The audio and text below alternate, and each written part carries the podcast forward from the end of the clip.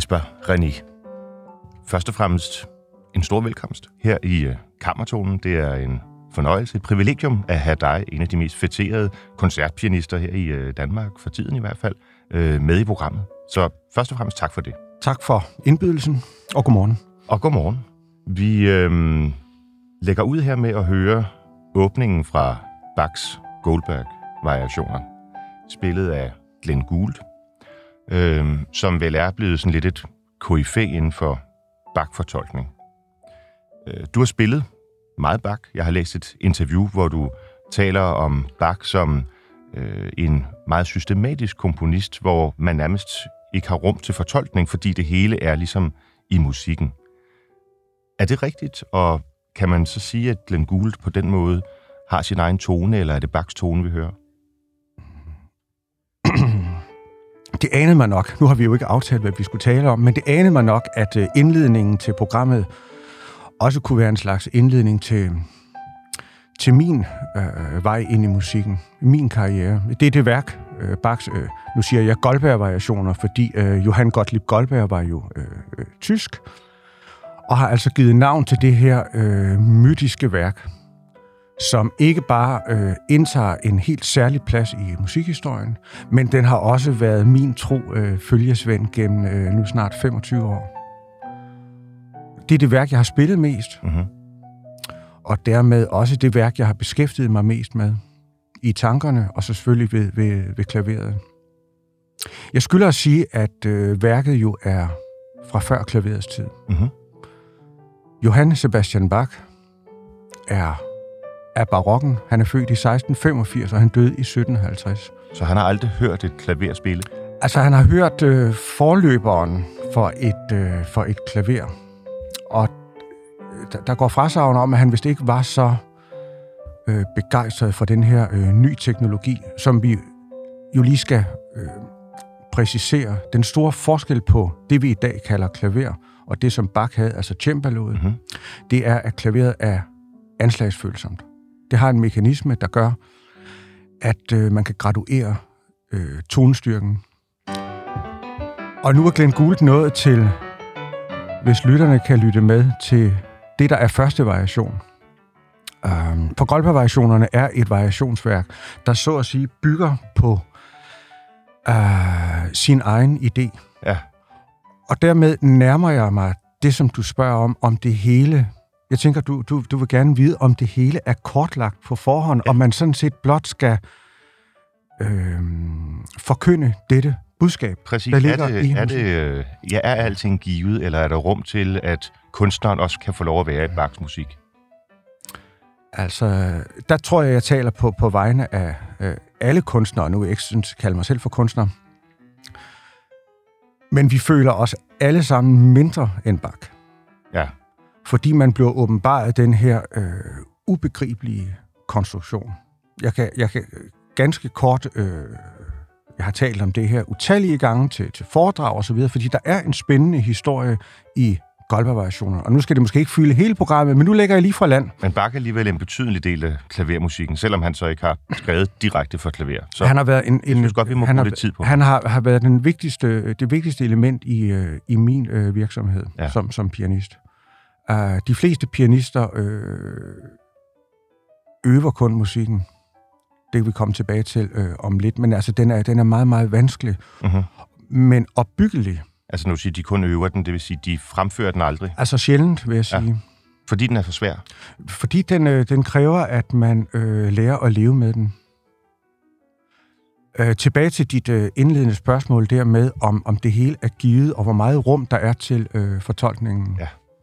Nu, øh, nu nåede Glenn Gould, som jo er en uomgængelig person. Så det vil sige, hvis jeg skal tale om Bachs Goldberg-variationer, så deler jeg det her, øh, hvad skal man sige, foredrag ind i tre dele. Først taler jeg om mm-hmm. Bach, mm-hmm. så taler jeg om øh, Goldberg, altså denne her øh, tyske unge cembalist, der var ansat hos den person, der afkøbte Bach, det her variationsværk, øh, arie, det var den, vi først hørte, ja. med forskellige forandringer, kalder ja. det. Ja. Det kom så til at hedde Goldberg, fordi anekdoten lyder, at denne her pur unge Goldberg, alene det stiller tvivl ved, ved anekdoten, blev bedt om at adsprede denne her søvnløse fyrste i de lange aftener med det værk, som øh, Kaiserlink hed øh, køberen af værket, som betalte Bach den største sum, øh, Bach nåede at opleve for et værk.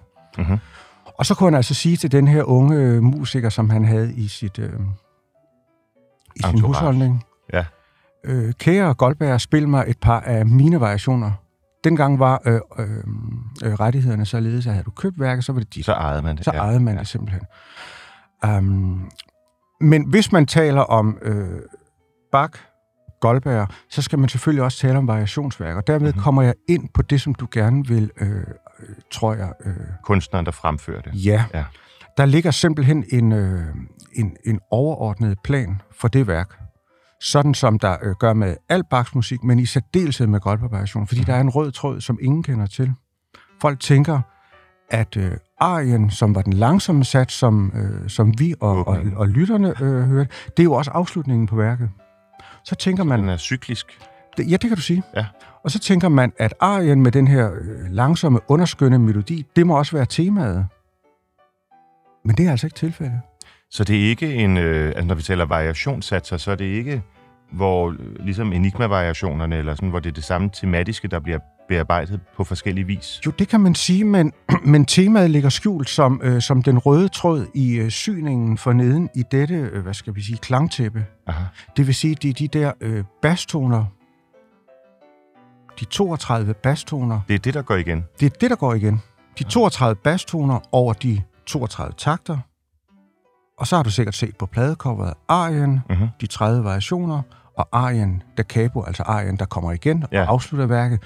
Men det er jo så 32 satser. Så det er det, der er, det det overordnede. 32 takter og 32 satser. Ja, med 32 bastoner. Matematikken fylder meget hos Bach, har man indtryk af. Tror du, det er... Øh, har det været sådan en nærmest en besættelse, at skulle få det hele til at gå op? Øh, jeg har i hvert fald ofte hørt det her med, at man nærmest kan øh, sådan matematisk, skematisk skille Bach ad, og så samle det igen som en motor.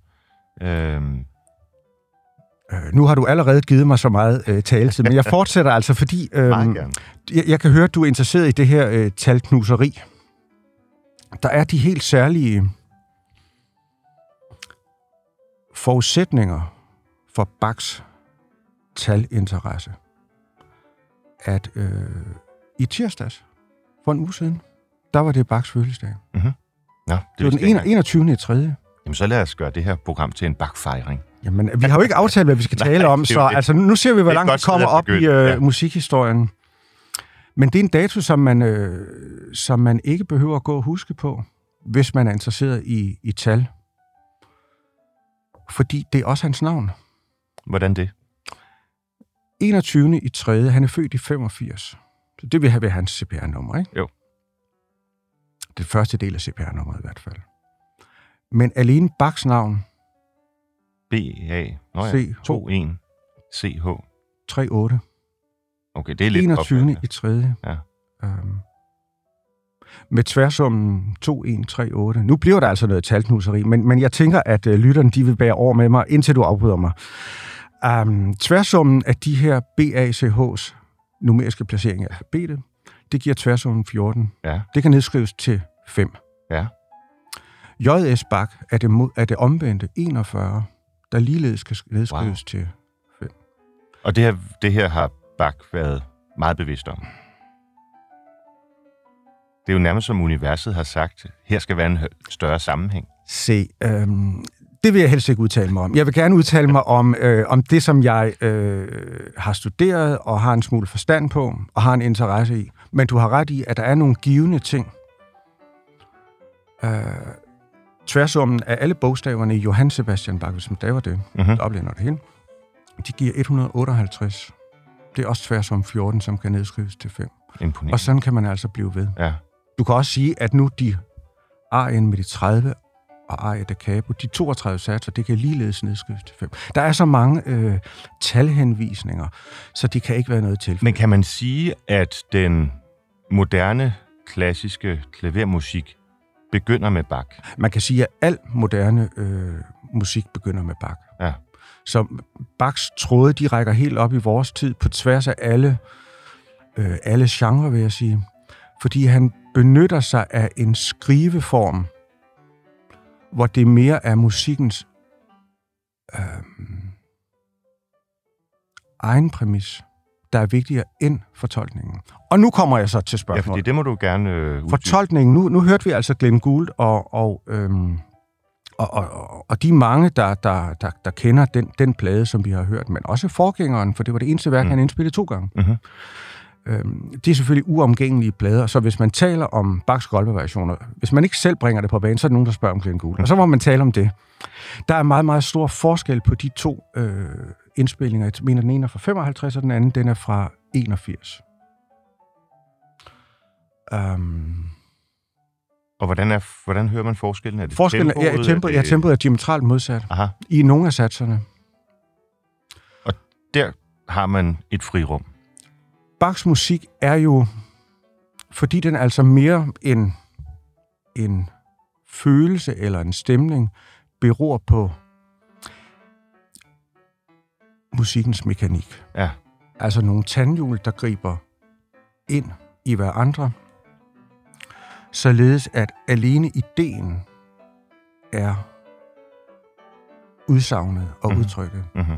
Og det vil sige, at man kan spille det i, i alle mulige slags øh, tempi. Aha. Men det er ikke hvad, så vigtigt, om man spiller kraftigt eller svagt, hurtigt Nej. eller langsomt. men hvad med, øhm, hvad med øhm, intoneringen? Altså hvis man spiller nyere musik, øh, Debussy, Chopin, som vi måske kommer ind på lidt mm. senere i programmet, så betyder følelsen, ekspressionen vel meget.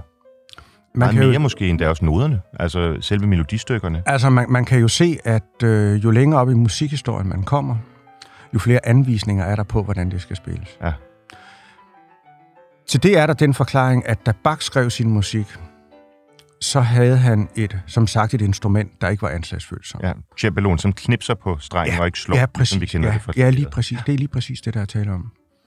Og Goldberg-versionerne er så skrevet for et instrument med to tangentrækker, således at man kan spille med en kraftigere lyd på det ene og en svagere Mhm. på det andet. Og derved få en det form for dynamik. også, Ja, lige præcis. Ja, Det er nøjagtigt ja. det samme. Og derved er man henne ved øh, øhm, det idiomatiske ved, øh, ved Bachs musik. Altså det decideret instrumentrelateret. Det er ikke særlig stort, fordi øh, på Bachs tid, der kunne man, ja, der måtte man spille på, på det, der nu engang var. Mm. Så selvom musikken er skrevet for to manualer, så kan ja, i hvert fald Glenn Gould spille det på et klaver med, med, øh, med, med én tangentrække. Skriver Bach så, hvad der skal spilles Ja, på hvilken manual? Ja, så man ved, hvad der er forte og piano. Ja, præcis, lige Ja. ja. præcis. Og den systematik respekterer man så også på et moderne klaver. Ja, du, du kan sige, at øh, jamen, så kommer vi så ind på, på det mere øh, musikalske nu. Altså Bachs musik er det, der hedder flerstemmig musik. Polyfoni. Polyfoni. Hvilket vil sige, at der ikke kun er én melodi med noget underliggende akkompagnement under. Mm. Man kan så at sige, at- at alle stemmerne i Bachs musik har melodik indbygget. Det vil sige, at det er det, der hedder i musikfaget hedder kontrapunkt. Ja. En stemmes forhold til en anden eller flere stemmer. Altså en slags samtale, kan man sige. Der foregår, øh, der foregår samtidigt. Mm. En samtidig samtale. Så du kan tage en melodistemme ud, og den har en selvstændig værdi. Præcis. Den er ikke kun komplementær. Nej, lige præcis det. Og det er noget særligt ved Bach. Ja, det er det. I, det, er noget, det er noget særligt ved, ved barokkens musik, Mm-hmm. Men det er også noget særligt ved, øh, ved øh, altså Bach er ligesom slutstenen på den der lange rejse. Ja. Og man kan se, nu nævnte du øh, Chopin og, øh, og, og Debussy, som jo øh, selvfølgelig er vokset op med den musik. Chopin spillede det hver evig eneste dag Mm-hmm. for at samle tankerne. Men det har vel været noget lidt særligt for den tid, fordi har man gået og hørt Bach i sådan hverdagen på Chopins tid, har det været en del af det almindelige repertoire? Man siger jo, at øh, Mendelssohn øh, genafdækkede Bach efter Ja. ja. 80 års dvale.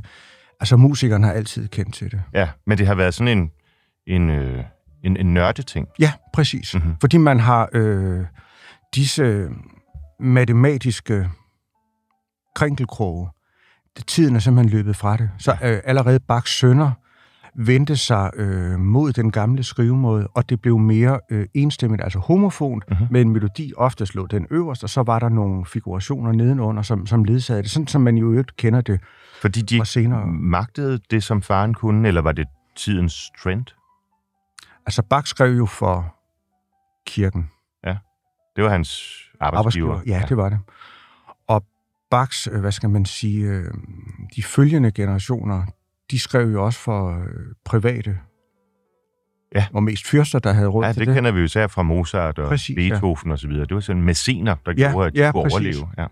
Men man kan se på, på alle komponister, at hvis de, øh, hvis de ikke har en naturlig hang til den her flerstemmighed, til det her kontrapunkt, studiet af mm. kontrapunkt, og det er jo et helt objektivt studie af musik. Ikke så meget, hvad musikken den skal fortælle, men mere, hvad musikken den er. Altså, hvordan forholder en melodilinje sig til en anden, eller til flere andre? Mm-hmm.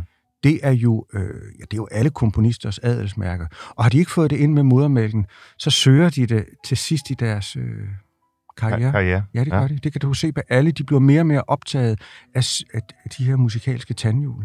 En af de komponister, som øh, jeg har, har elsket og dyrket mest, det er, det er Beethoven. Ja. Som jo har en, jeg tror ikke, jeg fornærmer hverken ham eller andre ved at sige, en, lidt, en påfaldende afslutning på sin karriere. Han skriver mere og mere mystisk musik. Øhm, hans strygerkvartetter for eksempel, Gruse Fuge og mm. så videre, som jo, har jeg forstået, fra samtiden blev betragtet som, som skør musik. Ja. Øhm, at man troede, han var, han var vanvittig. Men hvis man først hører Bach en eftermiddag, hvor man ikke har andet at lave, Ja. og derefter hører hans ja. strygerkvartetter, så er det som om, at systematikken Mm. er den samme. Mm. Er, der, er der sådan en hengivenhed op igennem historien, hvor man kan sige, at det er med Bach er grundstenen for alt det, der så senere opstår med Mozart, øh, Brahms, Schubert osv.? Ja, altså, jeg kender ikke ret meget til musik, der er ældre end Bach, fordi det, det, det spiller man almindeligvis ikke. Men er der man måske nogen samtidig med? Altså er der andre, eller er han the grand old man? Hentel for eksempel? Ja, det, det er der jo også... Øhm, altså, det har jeg ikke nogen øh, føling med. Jeg har ikke spillet noget af Hentel. Nej, Øhm, fordi jeg synes, Bach er så uendelig så meget er der ingen, mere der er ingen grund til det. Nej, altså de, der, der er nok at tage fat på med, Ja. med Bachs musik. Ja. Øhm, men du kan sådan set sige, at alle komponister op gennem musikhistorien, de står på skuldrene af hverandre. Ja. Det kan man sige. Ja. Debussy nævnte du, han, han troede livet igennem, at han var elev af en elev af Chopin. Om det har været sådan en salgsgimmick fra klaverlærerens side, det, det, det er svært at finde. Det har været eftertragtet at være elev af Chopin, tror jeg. Ja, han var den dyreste kl- klaverlærer i, øh, i Paris. Og, for- havde, og havde mange elever. Og spillede jo meget sjældent selv. havde et skrøbeligt sind. Ja. Øhm, Ja. Og øh, jo også en, en, et, En skrøbelig fysik. tilvært- En, ja, fysik, ja. Ja, ja og, og, øh, og dør jo også relativt ungt af... Ja, han blev 39. Ja, ja, Af det, som man i dag er næsten sikker på, er tuberkulose. ja, ja.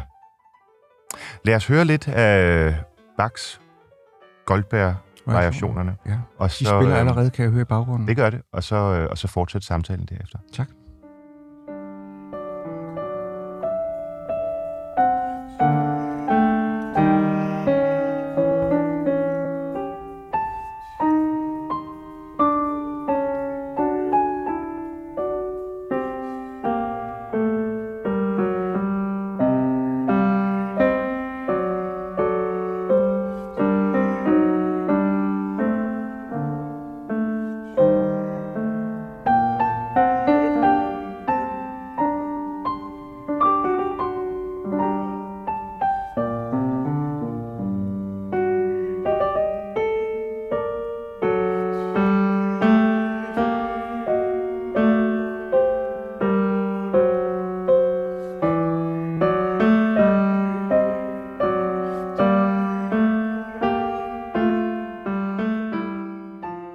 Vi forlader her i, jeg tillader mig at sige, bogstaveligste forstand, øh, Glenn Gould og hans Goldberg-variationer. Den sene udgave. Og når jeg siger bogstaveligste forstand, så er det fordi, man kan også høre, at han synger. Det er sådan lidt påfaldende. Øhm, er det, øh, er det simpelthen dedikationen, meditationen, som Bach giver, at, øh, at man som pianist kan blive så henrevet, at man ikke tænker over, at man giver andre lyde fra sig, end dem, der skal komme ud af fingrene? Altså nu vil jeg... Øh, for det første er jeg jo ikke læge eller mediciner. Det er et godt forbehold. Og jeg er heller ikke psykolog eller psykiater.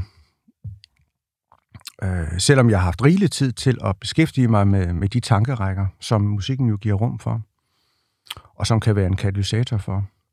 Men jeg kan sige, at, øh, at Glenn Gould, han sang fra, fra han var lille. Mm-hmm. Det, det gennemsyrer alle hans øh, plader.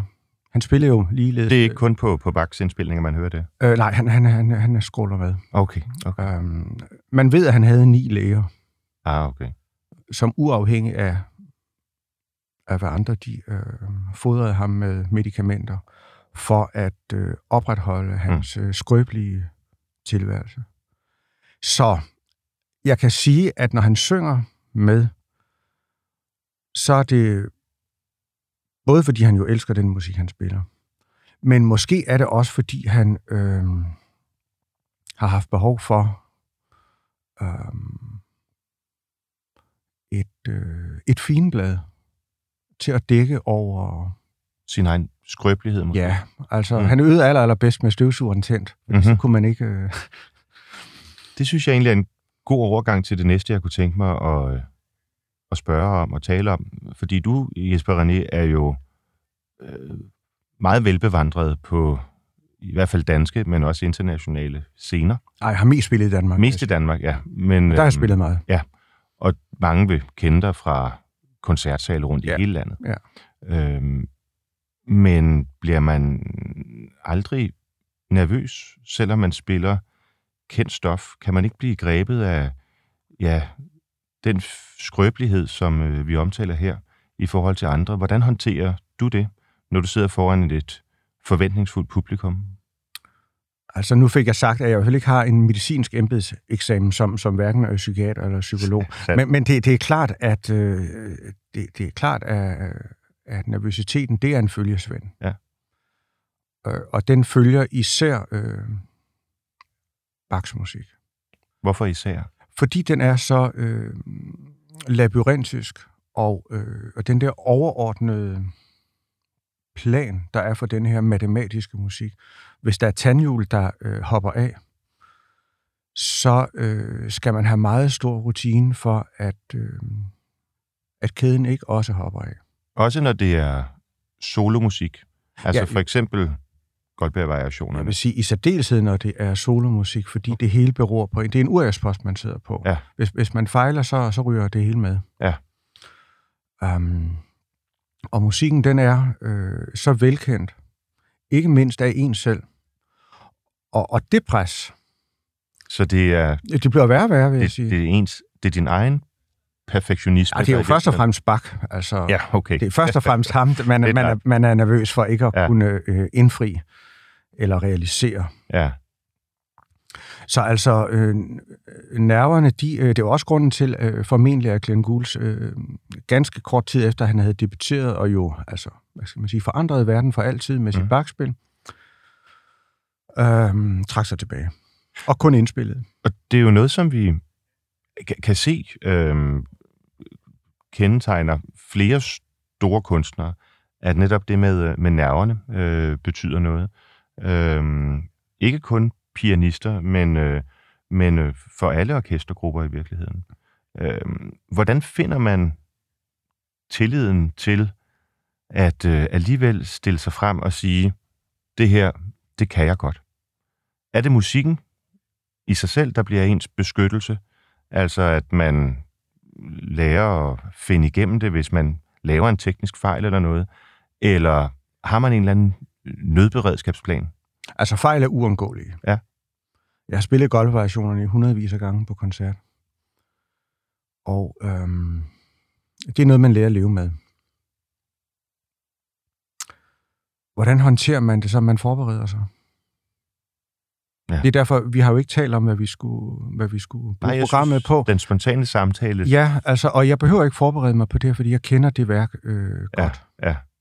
Og kender mig selv godt i forbindelse med det værk, og det at realisere det.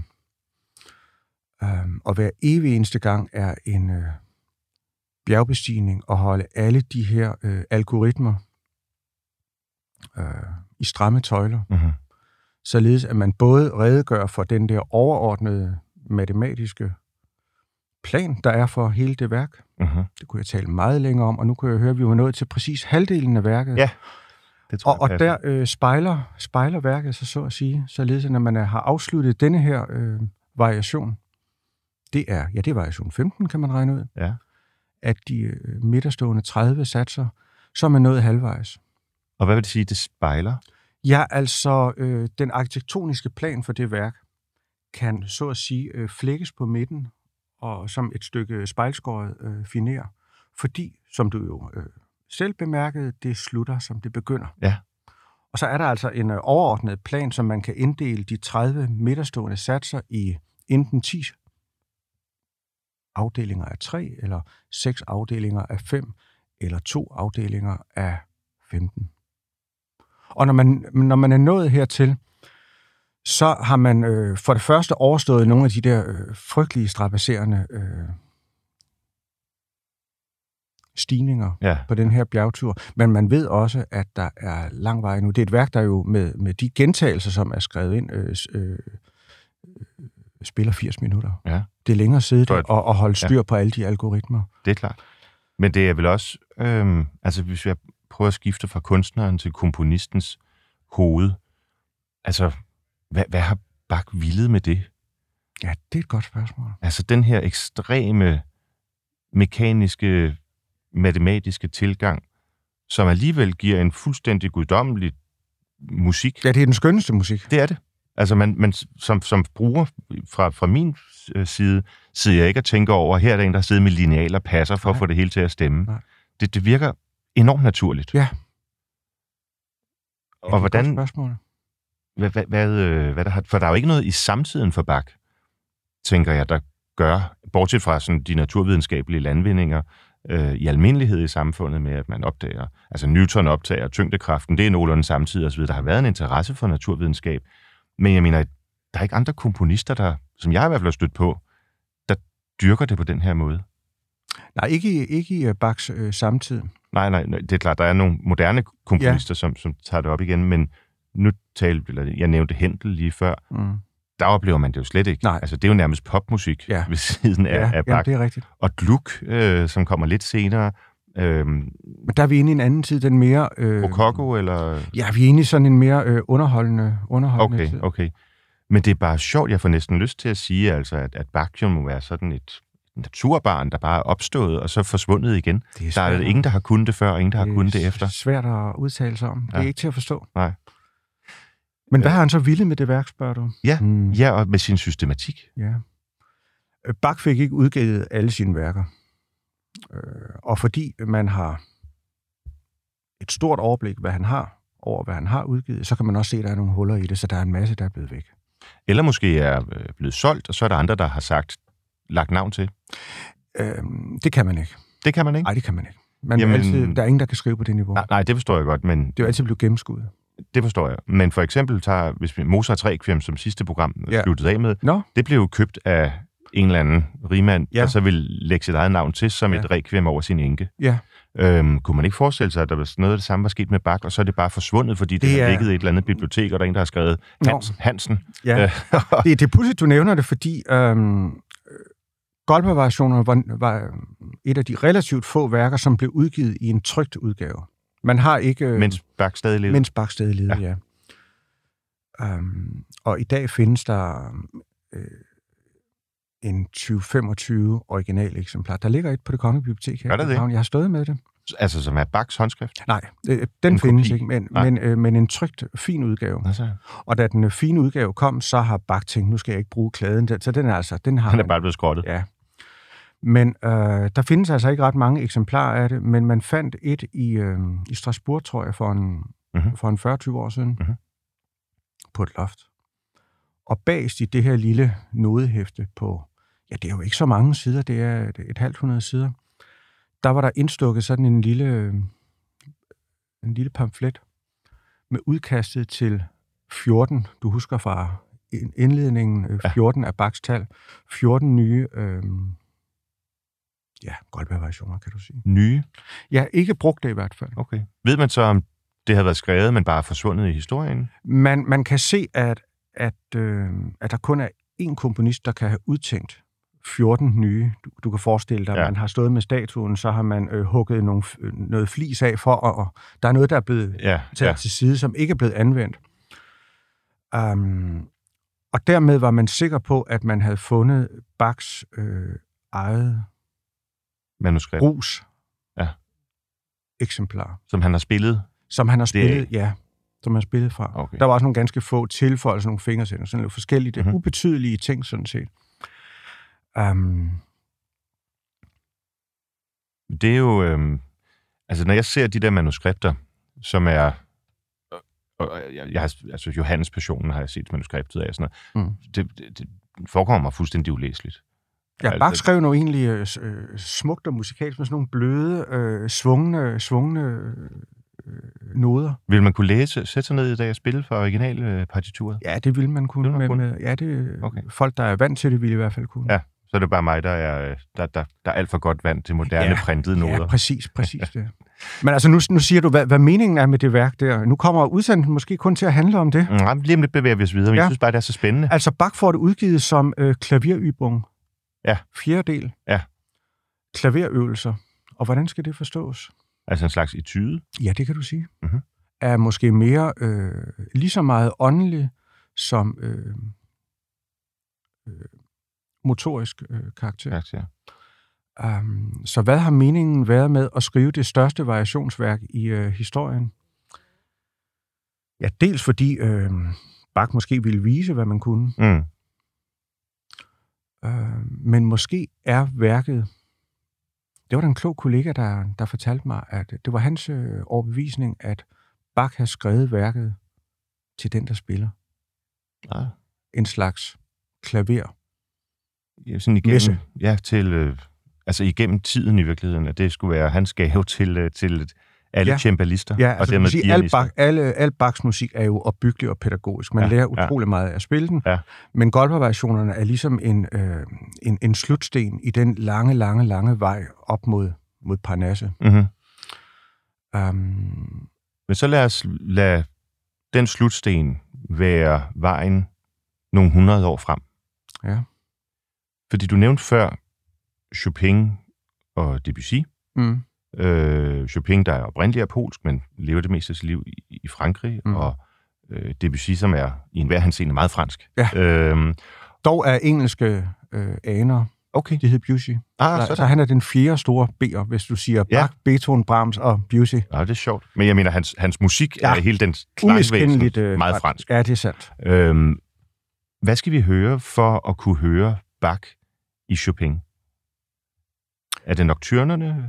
Nej, øh, så skal man... Øh, man kan jo... Øh, sidste år, der markerede jeg 300-året for Das Wohltemperierte Klavier Mhm. af Johann Sebastian Bach.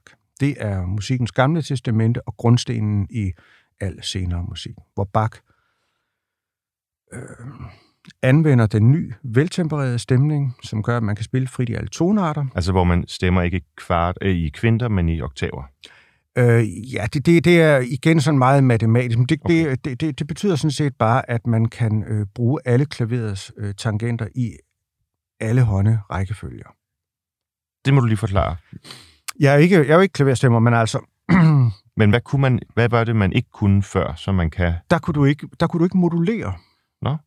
Det vil sige, at hvis du havde et udgangspunkt, lad os sige, det har været øh, motorvejen, Mm, altså en så... Tonart. en tonart, Ja. så kunne du af nogle øh, motortrafikveje og af nogle hovedveje komme omkring den her hovedtonart. Men du kunne ikke fjerne dig så langt fra den, uden at det lød falsk, Aha. fordi instrumentet var stemt rent.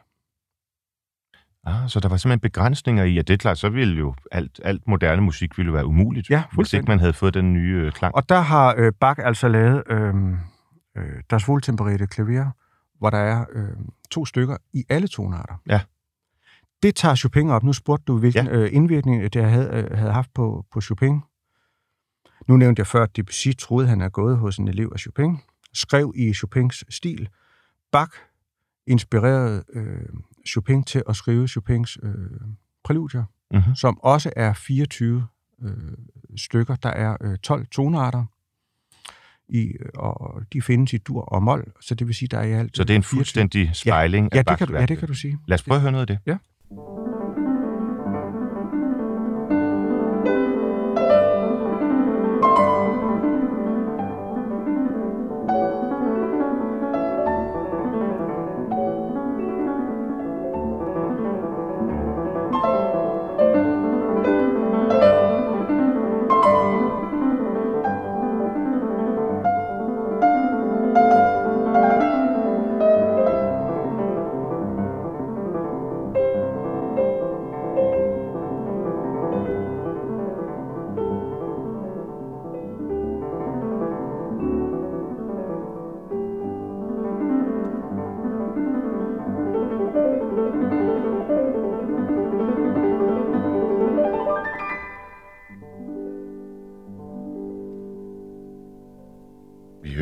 Maurizio Polini spille Chopins præludier, og vi sprang direkte til G-dur øh, på din anbefaling, øh, Jesper René.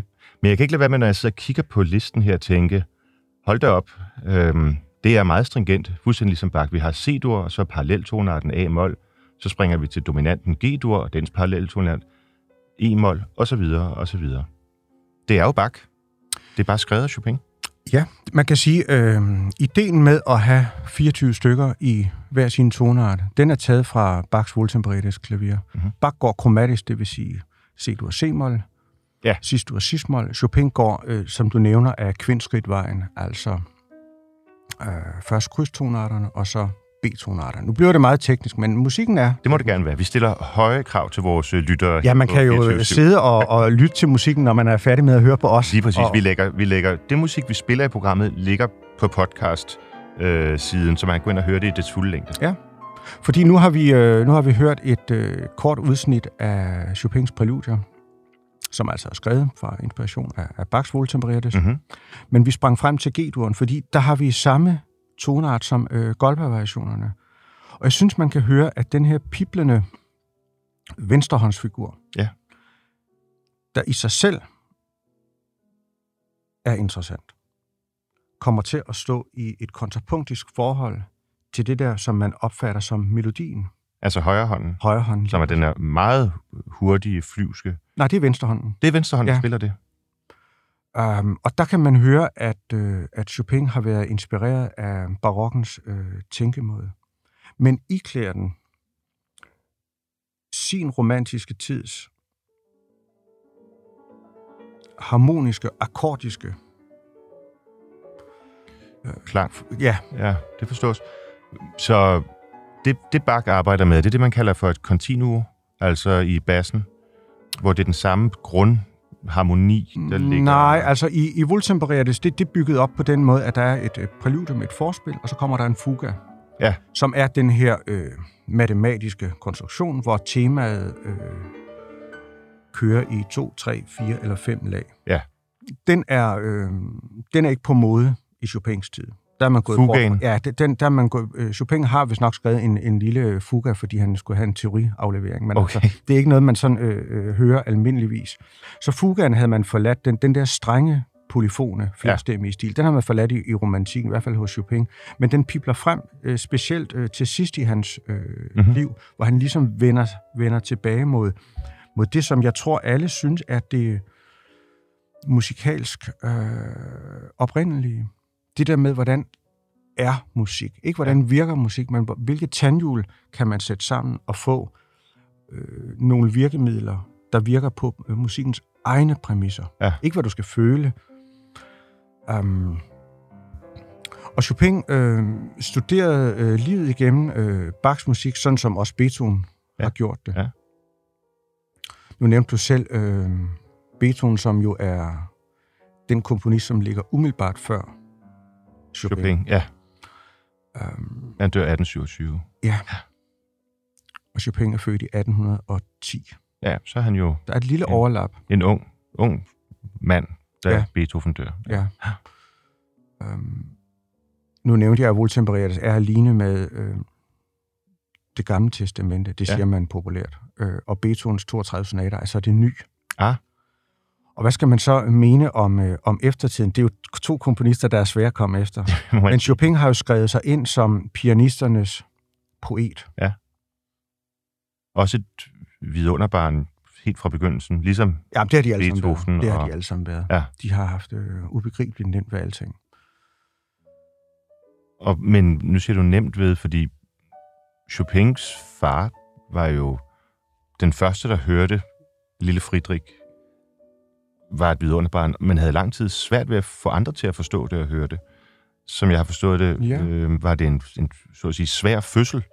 Øh, det er det første, da han bliver teenager, at, at den sådan generelle anerkendelse øh, af Chopins talent kommer frem. Mm. Øhm, og jeg har altid set det sådan, at hans skrøbelige sind måske i vidt omfang beroede på, at han havde en svær barndom. Øh, er født i Polen, som heller ikke var nogen stor musiknation på det her tidspunkt. Øhm, og det er først i Frankrig, at den store anerkendelse sådan begynder. Så jeg tror, han har haft en barndom, der var meget på trods, øh, og hvor han ikke bare er blevet båret frem, som Mozart og Beethoven jo i børneårene blev det. Altså, Chopin var jo født på landet, Mm. i den her lille by, hvor hans far var lærer på, på, på godset. Og så har han jo... Der er jo grænser for, hvilken musik han kan have hørt der. Ja, det er det. Han kan have hørt øh, øh, bøndernes musik. Det har inspireret Altså ham til, ja, Ja. Det, til hans øh, mazurka. Ja.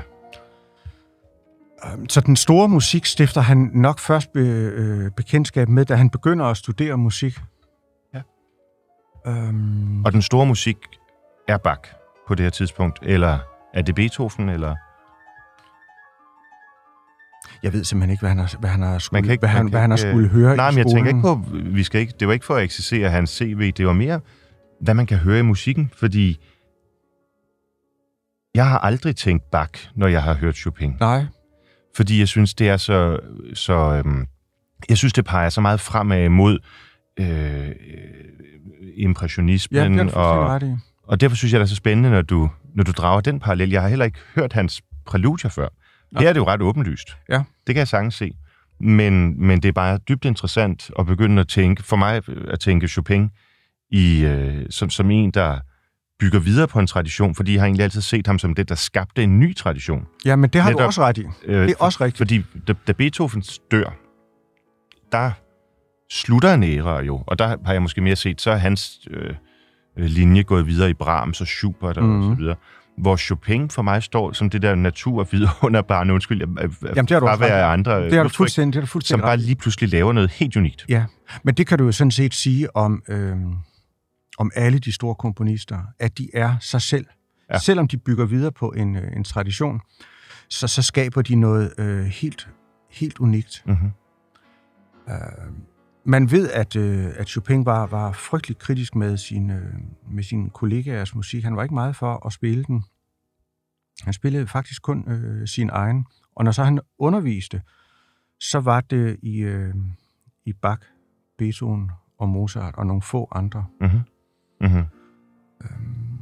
Fordi de har haft det der opbyggelige, Ja. Som også findes i den her sværmeriske. Jeg kan godt forstå, at du, at du tænker, at Chopin er skaberen af noget helt nyt, og det har du fuldkommen ret i. Det har jeg aldrig hørt før. Præcis. Chopins øh, poetiske øh, univers, men det bygger altså på en øh, det bygger på en solid Ja. øh, tradition og, og, og kendskab til fortiden. Er det de samme øh, mastodonter, vi bygger på i dag? Eller er der...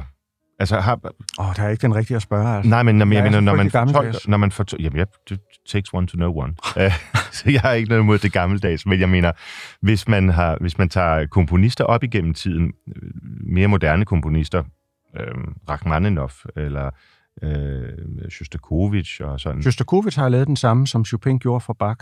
det har han. Han har skrevet 24 præludier og fugaer Så, også. så det er hele vejen op igennem musikhistorien de samme byggesten, vi Ja, for det er nogle, øh, nogle øh, eviggyldige principper. Mm-hmm. Hvordan kan du få en melodilinje til at forholde sig til en anden melodilinje? Ja. Det er jo i sig selv interessant. Ja. Om den så er kraftig eller svag, langsom eller hurtig, det er jo, det er jo mindre, Ja, ja. mindre betydningsfuldt, Ja. fordi den, den beror så at sige på sin egen, øh, si- sin egen præmis.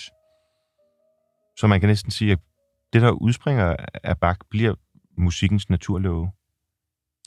Ja, du kan i hvert fald sige, at øh, med voltemperetisk klaver, hvor man altså får mulighed for at spille lige urent eller lige rent Mm-hmm. i alle tonarter, øhm, det er jo et princip, som vi har videreført til i dag. Det må man sige. Ja, det ville være utænkeligt, og altså Chopin og de senere komponister ville vel ikke kunne have skrevet de her ting. Jeg går ud fra, at der er masser af modulationer til Ja, andre og toner. Hauer Fortegn, ja, ja, Ja. det er fuldstændig rigtigt. Ja.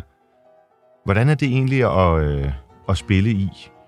Øh, altså rent teknisk. Jo flere sorttangenter, jo bedre. Er det rigtigt? Ja, det er helt rigtigt. Hvorfor Fordi det? du kan mærke dem. Hvis du ser klaviaturet øh, for dig, så er det jo inddelt med de to og de tre og de to og de tre og Ja, de to og de tre ja. sorte tangenter, der jo er ophøjet i forhold til de hvide.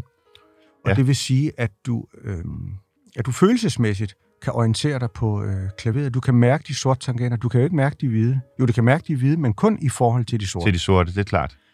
Så du sidder ikke, når du skal igennem de her øh, præludier og tænker, åh oh, nej, nu kommer vi til, øh, til histur, øh, eller øh, hvor der er, er mange øh, krydser, eller, eller andet. Ja, histur har man jo... Øhm, det, det er en, en sjov joke, men altså, jeg kan ikke tælle til, hvor mange øh, krydser histur, der jo er det samme som C. C-dur. Ja. Man har ikke skrevet i uh, C-dur, for der holder øh, øh, Galli Mathiasen Mm. mm. trods alt op. Man har til og med øh, øh, syv fortegn. Ja. Øh, Så skal man til at have øh, dobbeltfortegn, og så bliver det altså mere øh, Så er det mere problemskakke. fortænkt- end- Ja, fortænkt, mere, mere, øh, mere Ja, fortænkt. Det er fuldstændig rigtigt. ja. Så altså, jo, jo flere øh, øh, fortegn, altså jo flere sort tangenter, Mhm. mm-hmm. jo bedre. Og derfor bedre. ser man også, øh, Chopins musik beror på det her. Chopin, der er vi jo oppe i, i, i første halvdel af 1800-tallet, Mm. og der har man jo noget, der sådan minder om det moderne klaver. Ja, klart. Altså, jeg har aldrig nogensinde sat mig ned og forsøgt at spille Chopin, fordi jeg synes, partituret i sig selv er så frygtindgydende. Jamen, det er meget svær musik. Det, Men du sagde, øh, da vi startede udsendelsen og talte om, om Bach, at Bach i virkeligheden var utrolig stringent og derfor meget svær. Kan man sige det modsatte om Chopin? Altså, du kan sige, at øh, fortolkningsmulighederne, jo længere op i musikhistorien du kommer, de bliver, øh, de bliver færre og færre. Også fordi øh, anvisningerne om, hvordan det skal spilles, om det skal spilles kraftigt eller svagt, og med hvilken øh, atmosfære eller følelse, Mm, kan man også sige, mm. mm. det er også noteret. Ja. Så det vil sige, at øh, det er nede i de små detaljer, at, øh, at en Chopin-fortolker adskiller sig.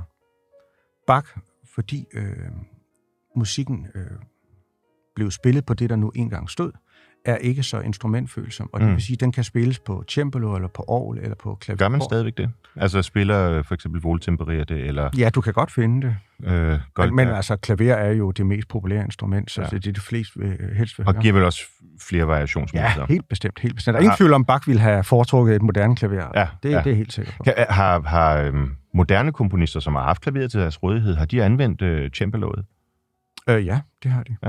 Det har de. Okay, så man kan godt gå tilbage. Ja, det, man kan godt gå tilbage, ja. Ja. Det har sådan mere sådan sprød klang, Ja. kan man sige. Har du spillet cembalo? Nej, det vil jeg ikke sige. Nej. Det vil jeg ikke sige. Ja. Man kan ikke, hvis man er en dygtig pianist, sige, at man også er en dygtig cembalist. Altså, det, det, jeg vil ligne det med øh, badminton og tennis, Nå, okay. kåre det- og fleuret. Altså, det er beslægtet, men, men øh, tangenterne er anderledes, og anslags... Øh, Mm-hmm. spillemåden er, er, er anderledes. Ja. Så det er ikke noget, jeg vil optræde med. Jesper René, du har optrådt med alle dele af, hvad kan man sige, den, den moderne klassiske musik, hvis vi kan bruge det udtryk, altså fra Bach og, og helt op til øh, Debussy.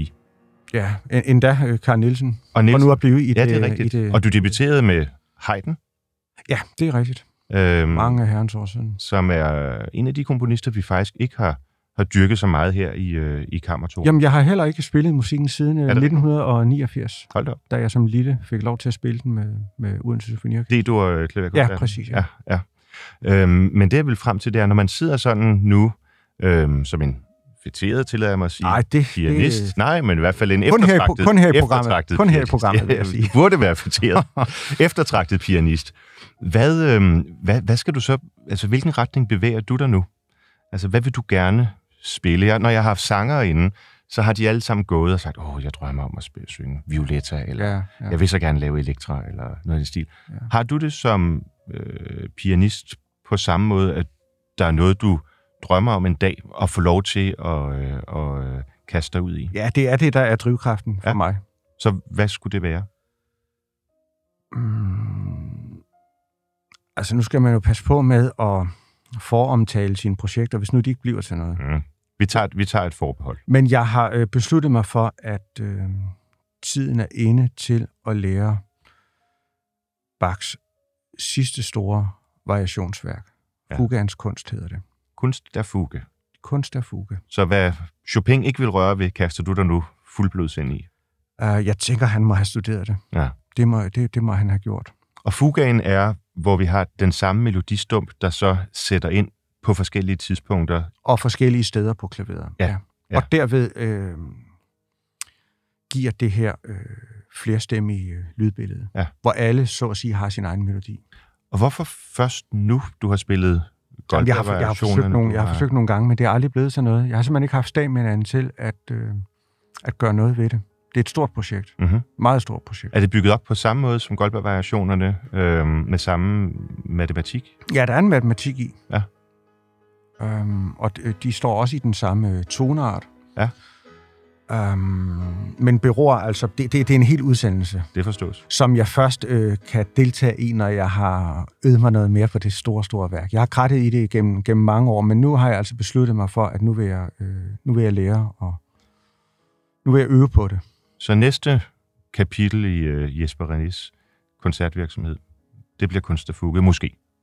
Altså, det næste kapitel øh, i min øh, øvevirksomhed, det bliver øh, det s- slutstens værk, som, som Bach øh, begik. Og jeg håber også, at jeg kan øh, nå så langt, at jeg kan være bekendt at spille det offentligt. Så synes jeg, at vi skal slutte udsendelsen af med at høre øh, åbningen på, på kunst der fuge. Og så vil jeg bare sige, Jesper René, stor tak, fordi du vil bruge en lille time her i, i mit og lytternes selskab. Ja, det var dejligt at få lov at være, være med og tale om musik på det her øh, niveau. Det har været en øh, meget stor berigelse. Tusind tak. Tusind tak.